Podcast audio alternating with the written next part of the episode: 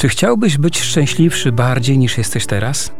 Czy wiesz, że Eucharystia posiada taką moc, że może z ciebie uczynić najszczęśliwszego człowieka na ziemi? Co zrobić, aby korzystać z niebiańskiego potencjału Eucharystii?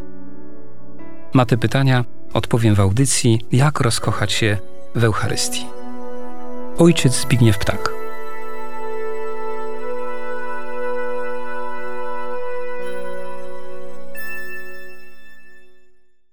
Dziękuję, drogi słuchaczu, że jesteś z nami w kolejnej audycji na temat Mszy Świętej.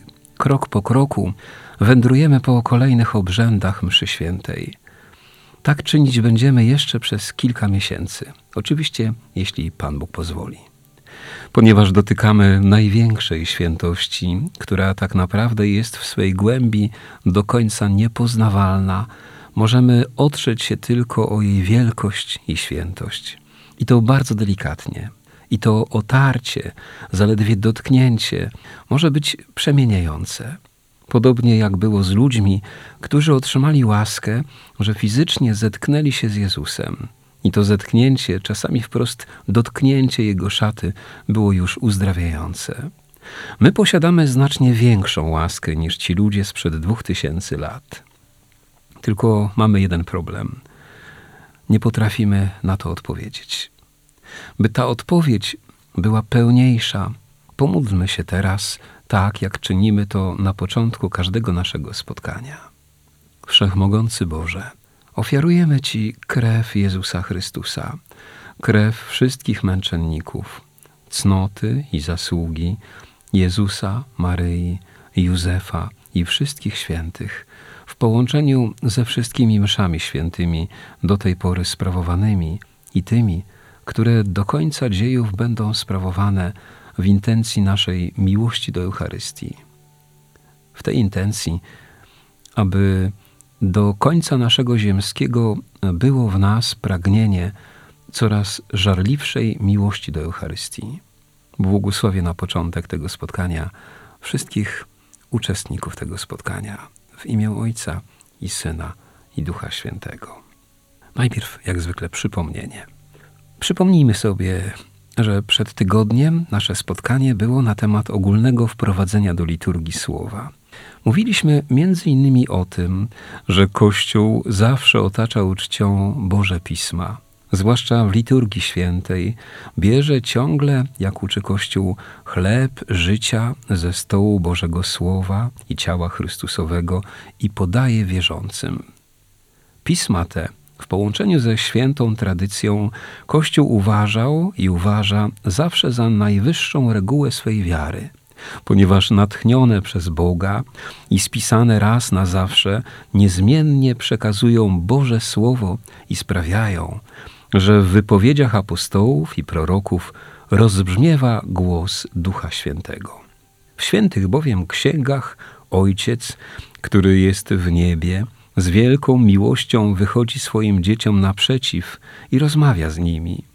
Tak wielka zaś w Słowie Bożym zawiera się moc i potęga, że staje się ono dla Kościoła podstawą i siłą żywotną, a dla dzieci Kościoła umocnieniem wiary, pokarmem duszy, czystym i trwałym źródłem życia duchowego.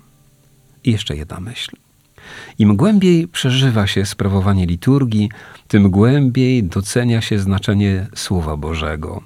To, co mówimy o liturgii, może być odniesione także do Słowa Bożego, ponieważ i w liturgii, i w Słowie Bożym wspomina się i uobecnia misterium, czyli tajemnica Chrystusa. Po ubiegłotygodniowym wprowadzeniu do liturgii nadszedł czas na czytania mszalne. Oczywiście będzie mowa o liturgii słowa e, w niedzielę czy z niedzieli albo uroczystości, kiedy mamy bogaciej zastawiony stół Bożego Słowa.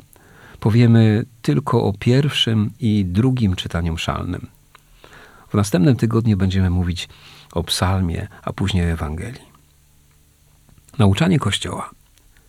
Przywołując nauczanie Kościoła na daną część Eucharystii, najczęściej cytujemy wypowiedzi z ogólnego wprowadzenia do mszału rzymskiego. Jest to jedyna posoborowa wypowiedź Kościoła na temat przenajświętszej ofiary mszy świętej, w której mowa jest o każdym elemencie mszy świętej, to od strony liturgicznej i teologicznej. Do tych wskazań mamy stosować się głównie my, kapłani, celebrując przenajświętszą Eucharystię. W numerze 29 tego bardzo ważnego i praktycznego dokumentu czytamy: Gdy w kościele czyta się Pismo Święte, sam Bóg przemawia do swego ludu, a Chrystus, obecny w swoim słowie, zwiastuje Ewangelię. Dlatego wszyscy winni z szacunkiem słuchać czytań Słowa Bożego, które są najważniejszym elementem liturgii Słowa. To Słowo, zawarte w czytaniach Pisma Świętego, zwraca się do wszystkich ludzi każdego czasu i jest dla nich zrozumiałe. W numerze 54 czytamy: W czytaniach bowiem, które homilia wyjaśnia, Bóg przemawia do swego ludu, ujawnia misterium odkupienia i zbawienia oraz dostarcza wiernym duchowego pokarmu. Sam Chrystus przez swoje słowo jest obecny pośród wiernych. Czytanie pierwsze. Pierwsze czytanie zwykle jest brane ze Starego Testamentu. Kościół pragnie nam przez to pokazać, iż istnieje ciągłość dwóch testamentów. Wyraża się ona w zasadzie, którą sformułowali już w pierwszych wiekach chrześcijaństwa ojcowie Kościoła, głównie święty Augustyn. Stary Testament podprowadza pod nowy, a nowy wyjaśnia stary. Sobór Watykański II wyraził tę prawdę nauczając. Bóg, postanawiając, by Nowy Testament był ukryty w Starym, a Stary w Nowym, znalazł wyjaśnienie.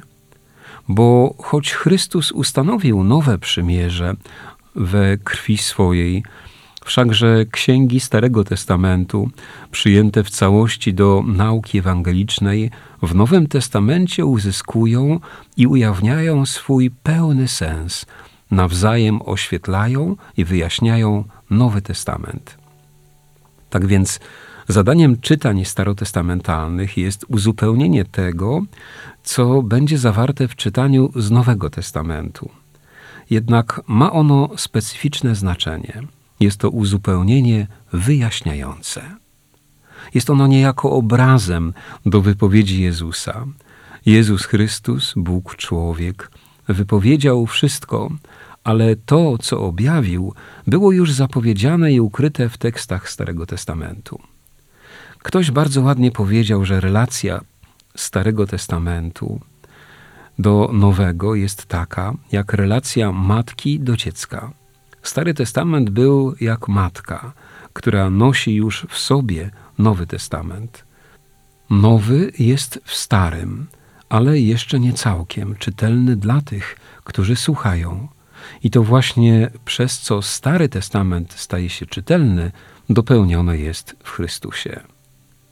Kościół traktuje księgi Starego Testamentu z szacunkiem, a nawet ze czcią, jak uczy Sobór Watykański II, dostrzega w nich prawdziwą naukę pochodzącą od Boga. W Starym Testamencie utajona jest tajemnica naszego zbawienia. Pierwsze czytanie nazywane jest profetus, czyli prorok, dlatego że zwykle czytamy je z ksiąg prorockich. Czytanie to można porównać do fotografii. Opisuje ono nasze ogromne możliwości, które powinny się jednak liczyć z ograniczonością i grzesznością. Drugie czytanie. Starożytność nazwała to czytanie apostolos. Oczywiście związane jest to z treścią tego czytania. Najczęściej czytamy w nim teksty z listów apostolskich lub dzieje apostolskie. W drugim czytaniu bardzo często słyszymy wskazówki, w jaki sposób możemy prowadzić życie w Chrystusie. Teksty Pisma Świętego w drugim czytaniu zachęcają nas do głębszej duchowej łączności z Kościołem Apostolskim. Poprzez te teksty Bóg zachęca nas do wierności tradycji apostołów. Bogu niech będą dzięki.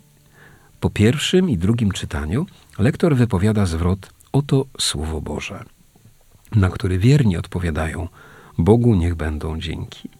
Pewien teolog napisał, że zwrot ten przypomina wielki okrzyk lub uroczyste zadęcie w trąby, które ma nam uzmysłowić, jak wielkim cudem jest fakt, że sam Bóg przemawia do człowieka słowami Pisma Świętego.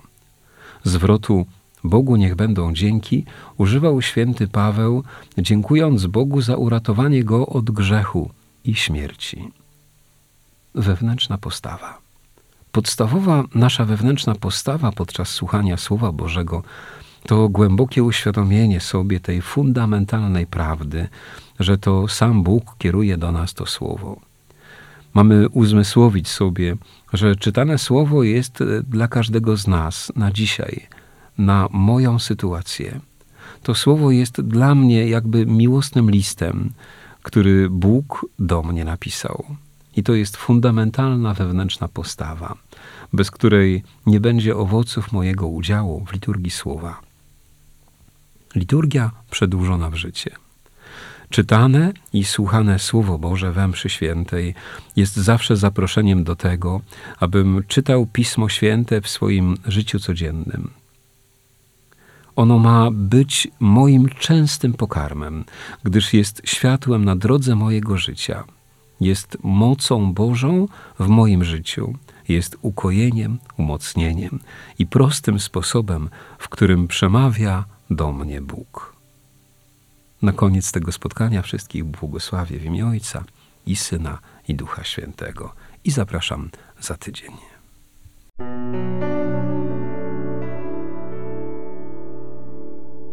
Czy chciałbyś być szczęśliwszy bardziej niż jesteś teraz? Czy wiesz, że Eucharystia posiada taką moc, że może z ciebie uczynić najszczęśliwszego człowieka na ziemi? Co zrobić, aby korzystać z niebiańskiego potencjału Eucharystii? Na te pytania odpowiem w audycji Jak rozkochać się w Eucharystii. Ojciec Zbigniew Ptak.